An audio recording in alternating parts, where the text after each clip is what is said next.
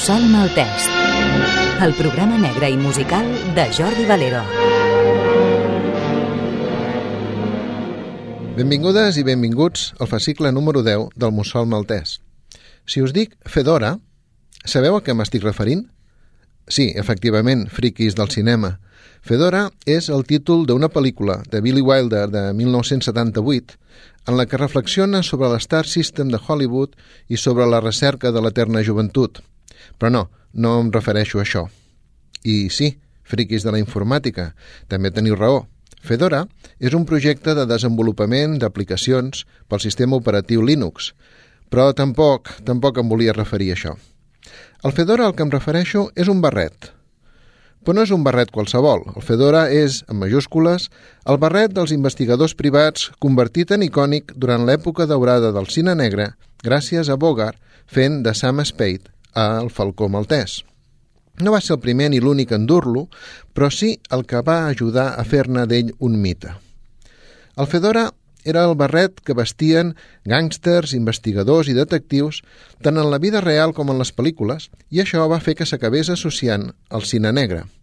Els barrets venen de molt antic i al llarg de la història han estat el signe visible de l'estatus econòmic i, segons el model, han servit per distingir les diferents classes socials, fins 1960, quan comença a deixar-se d'utilitzar, fins al punt que pels més joves avui resulta excèntric i anacrònic. Es diu que la revolució cultural de finals dels anys 60, impulsada per les corrents beatnik i hippie, que va influir en el vestir i en la llargada de cabells, va arraconar el barret. També que la culpa la va tenir la proliferació del cotxe que feia incòmode haver de posar-se'l i treure-se'l cada cop que s'entrava i sortia, i més, si anaven diversos passatgers. Ves a saber. Però el cert és que el barret de disseny va cedir el seu paper protagonista a la practicitat i l'economia que van suposar les gorres de tipus béisbol que avui en dia s'han imposat des dels Estats Units a tots els països sense distinció d'edat, gènere o classe social. Una gorra que recorda la gorra Gatsby, la gorra Gatsby immortalitzada en el nen protagonista de la pel·lícula The Kid, d'en Charles Chaplin, es va popularitzar en la imatge dels joves venedors de diaris de l'època i en els treballadors de les fàbriques. De fet, la gorra Gatsby era la preferida per la colònia irlandesa com es reflexa en la pel·lícula Los Intocables d'Eliot Ness, del director Brian De Palma, on en Sean Connery, fent el paper del policia irlandès Jim Malone, du una gorra Gatsby, mentre la resta de companys porta barret Fedora, inclús el Capone, aquest però el du de color blanc. Magnífica, la soundtrack composada pel gran Ennio Morricone.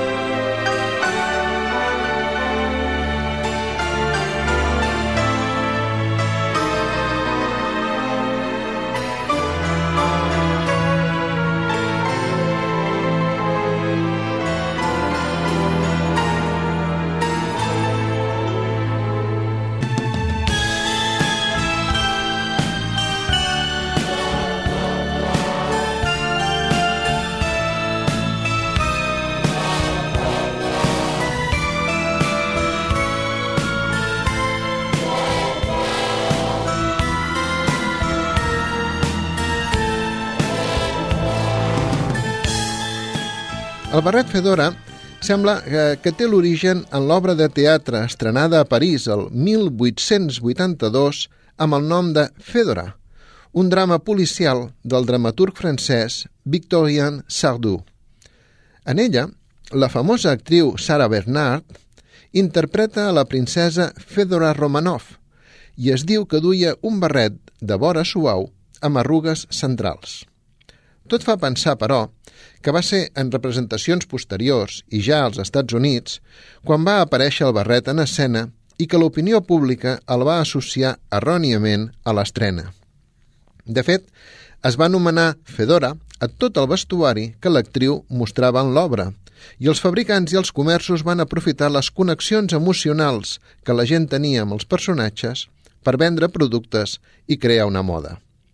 A resultes d'això, el barret ràpidament esdevé popular entre el públic femení i és, per exemple, el preferit de les que passejaven en bicicleta.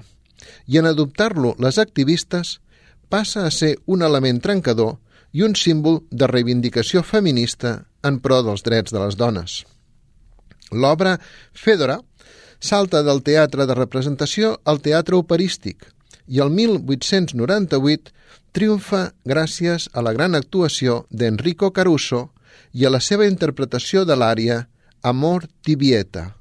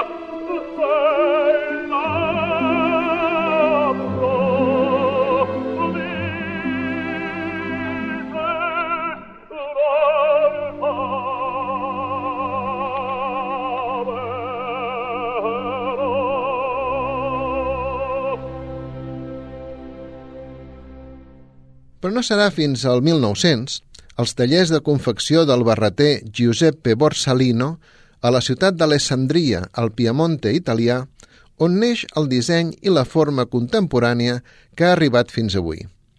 D'aquí que aquest model de barret se'l conegui indistintament com Fedora, especialment pels americans, o Borsalino pels europeus.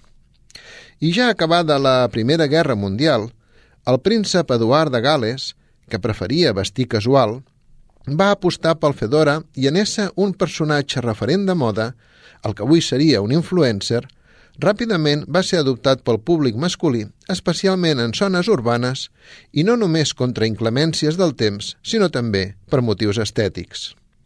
I si l'home dels grans espais oberts del Far West tenia el seu distintiu barret de cowboy, l'home urbà tenia la rèplica en el Fedora i endur-lo tant al Capone com Lucky Luciano es va estendre ràpidament entre els seus, especialment amb l'ala baixada per cobrir-se la cara.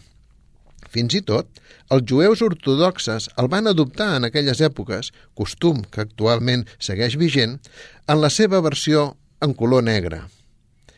En aquella època li va tocar competir en popularitat amb el barret nomenat pork pie, o sigui, pastís de porc, que va popularitzar Buster Keaton en la dècada de 1920 i que es va associar amb els músics de jazz i més tard al blues i a l'esca. En Lester Young, el gran saxofonista de jazz, el duia en les seves actuacions i a la seva mort, el 1959, En Charles Mingus, compositor, pianista i baixista de jazz, va composar-li una elegia que va titular precisament Goodbye Pork Pie Hat.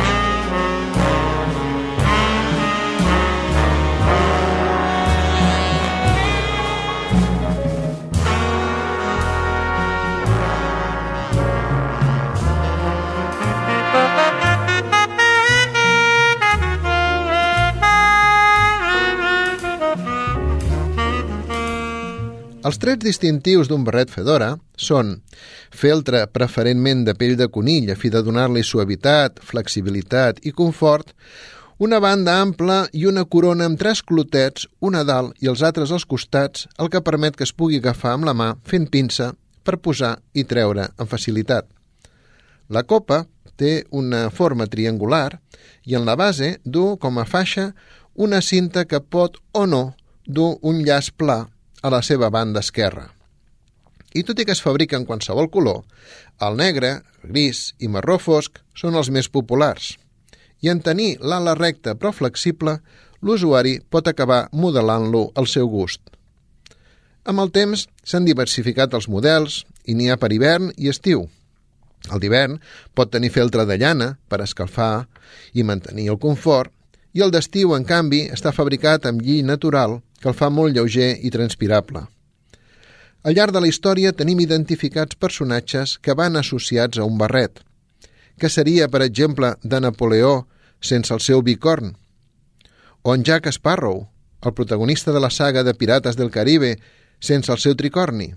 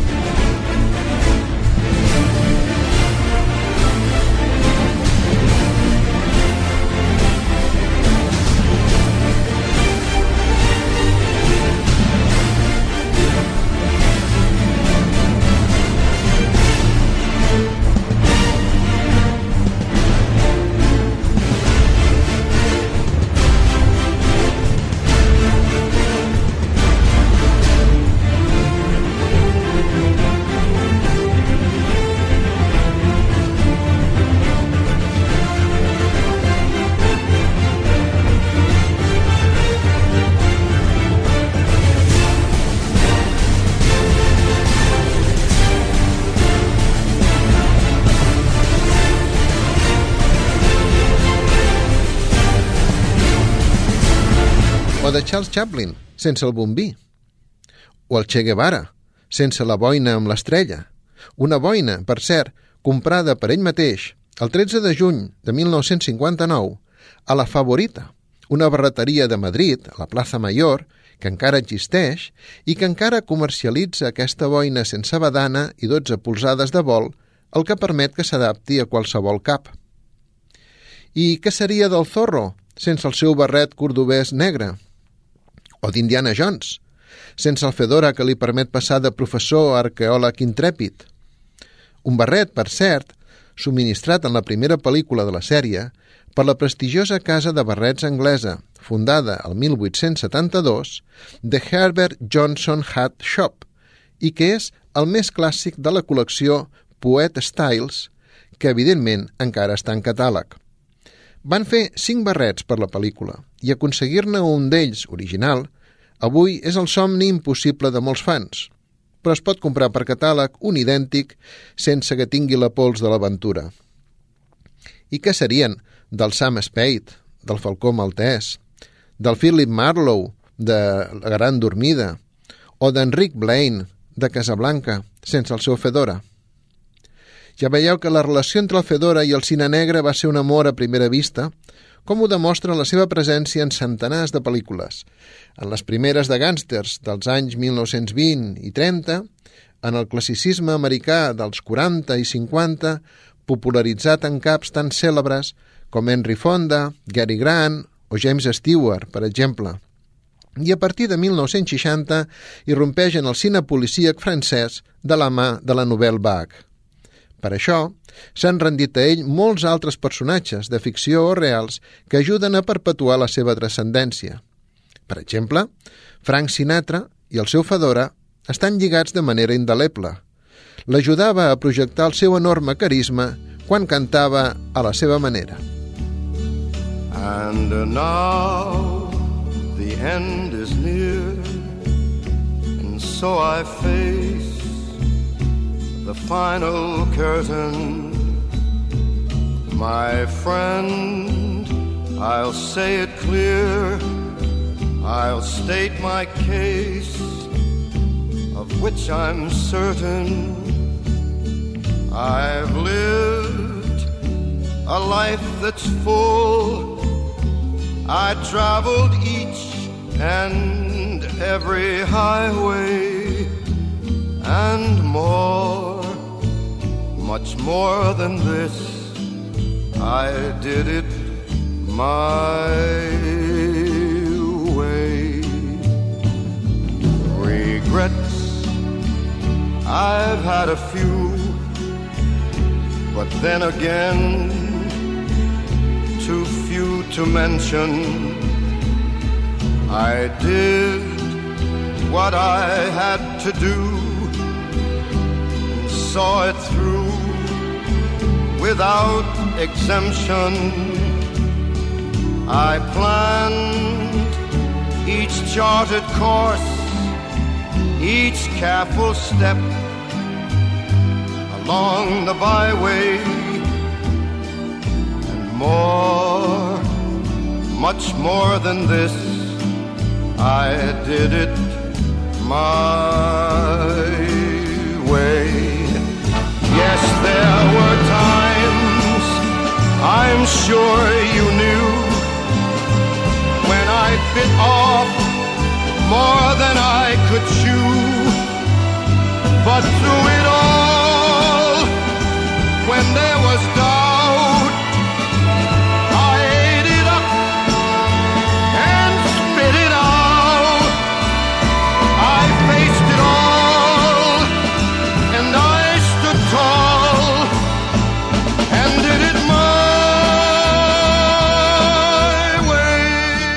També podem recordar, per exemple, el terrorífic Freddy Krueger, el personatge principal de la saga de pel·lícules de terror Pesadilla en Elm Street, amb el seu malmès fedora de color marró. Blanc, en canvi, és el que va popularitzar Michael Jackson en el seu videoclip Smooth Criminal i en la pel·lícula Moonwalker. En Michael Jackson era un assidu del barret fedora, tant en la seva vida personal com en les actuacions musicals. El Fedora el va acompanyar per totes les gires i sembla que hauria estat la seva admiració pel gran ballarí i actor de musicals Fred Astaire la que va generar la seva afecció a aquest barret. En Michael Jackson els comprava a la tenda novaiorquesa Worth and Worth. Estaven fets a Itàlia i es feia brodar en el seu interior nom i cognom en lletres daurades. Sempre que interpretava la cançó Billie Jean, sortia a l'escenari amb un fedora de color negre que acabava llançant al públic. S'han calculat que al voltant de 300 barrets Fedora van anar a parar en mans de fans i per aquest motiu, i tot sovint, se'n poden trobar en subhastes per milers de dòlars.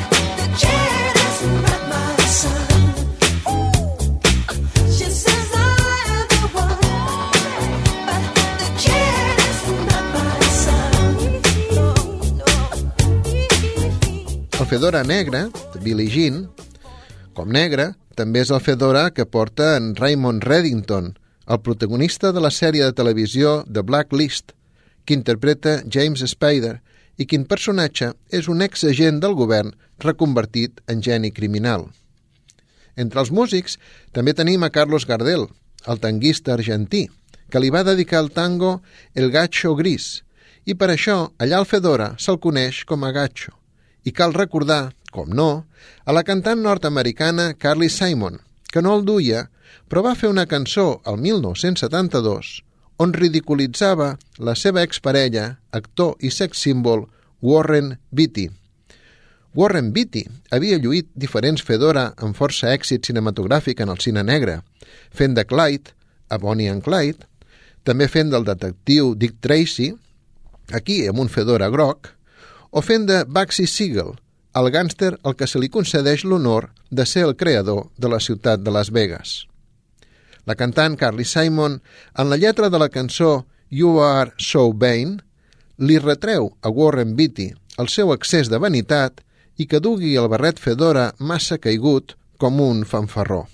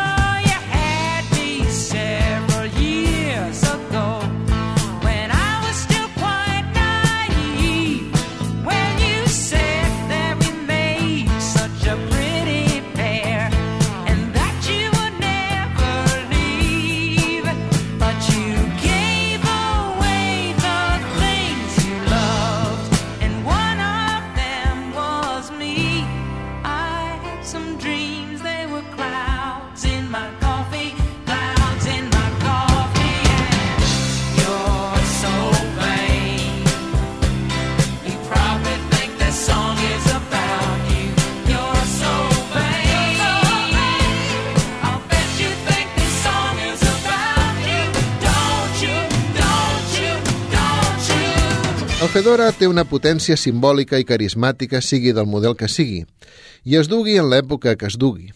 I tot i que avui té una presència pràcticament inexistent, poc abans de la Segona Guerra Mundial s'arribaven a fabricar dos milions d'unitats a l'any. Recordant que a Giuseppe Borsalino és a qui li devem el Fedora, res millor que escoltar el tema principal de la pel·lícula Borsalino, de 1970, dirigida per Jacques Deré i interpretada per Jean-Paul Belmondo i Alain Delon, que el duen posat i que la pel·lícula va de gàngsters. El tema principal és una composició de Claude Bolling, el pianista de jazz i compositor francès, nascut a Cans el 10 d'abril de 1930, de signe Àries, i que va ser un nen prodigi que als 14 anys ja tocava amb gent com Lionel Hampton, Roy Eldridge i Kenny Clark.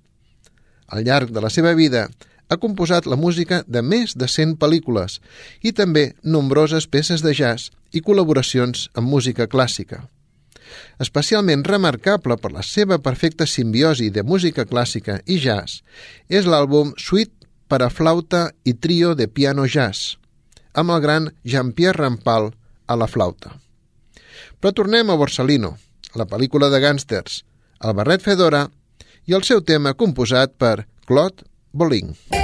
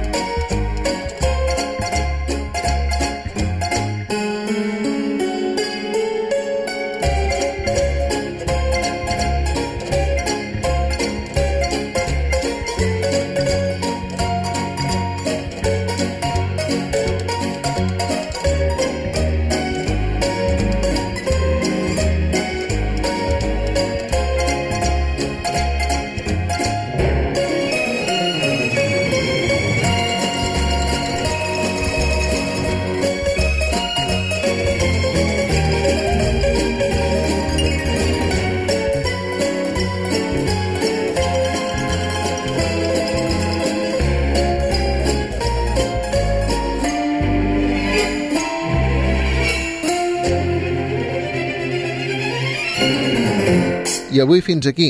Gràcies per escoltar-me i gràcies a Rocío i a Beatriz per muntatge de so.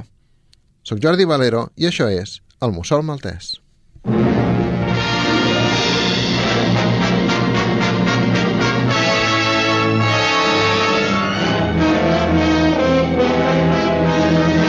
Recordeu que podeu escoltar tots els fascicles del Mussol Maltès a la web de Ràdio Sabadell 94.6 i també a les principals emissores de podcast per qualsevol comentari podeu adreçar-vos a jordivaleros.gmail.com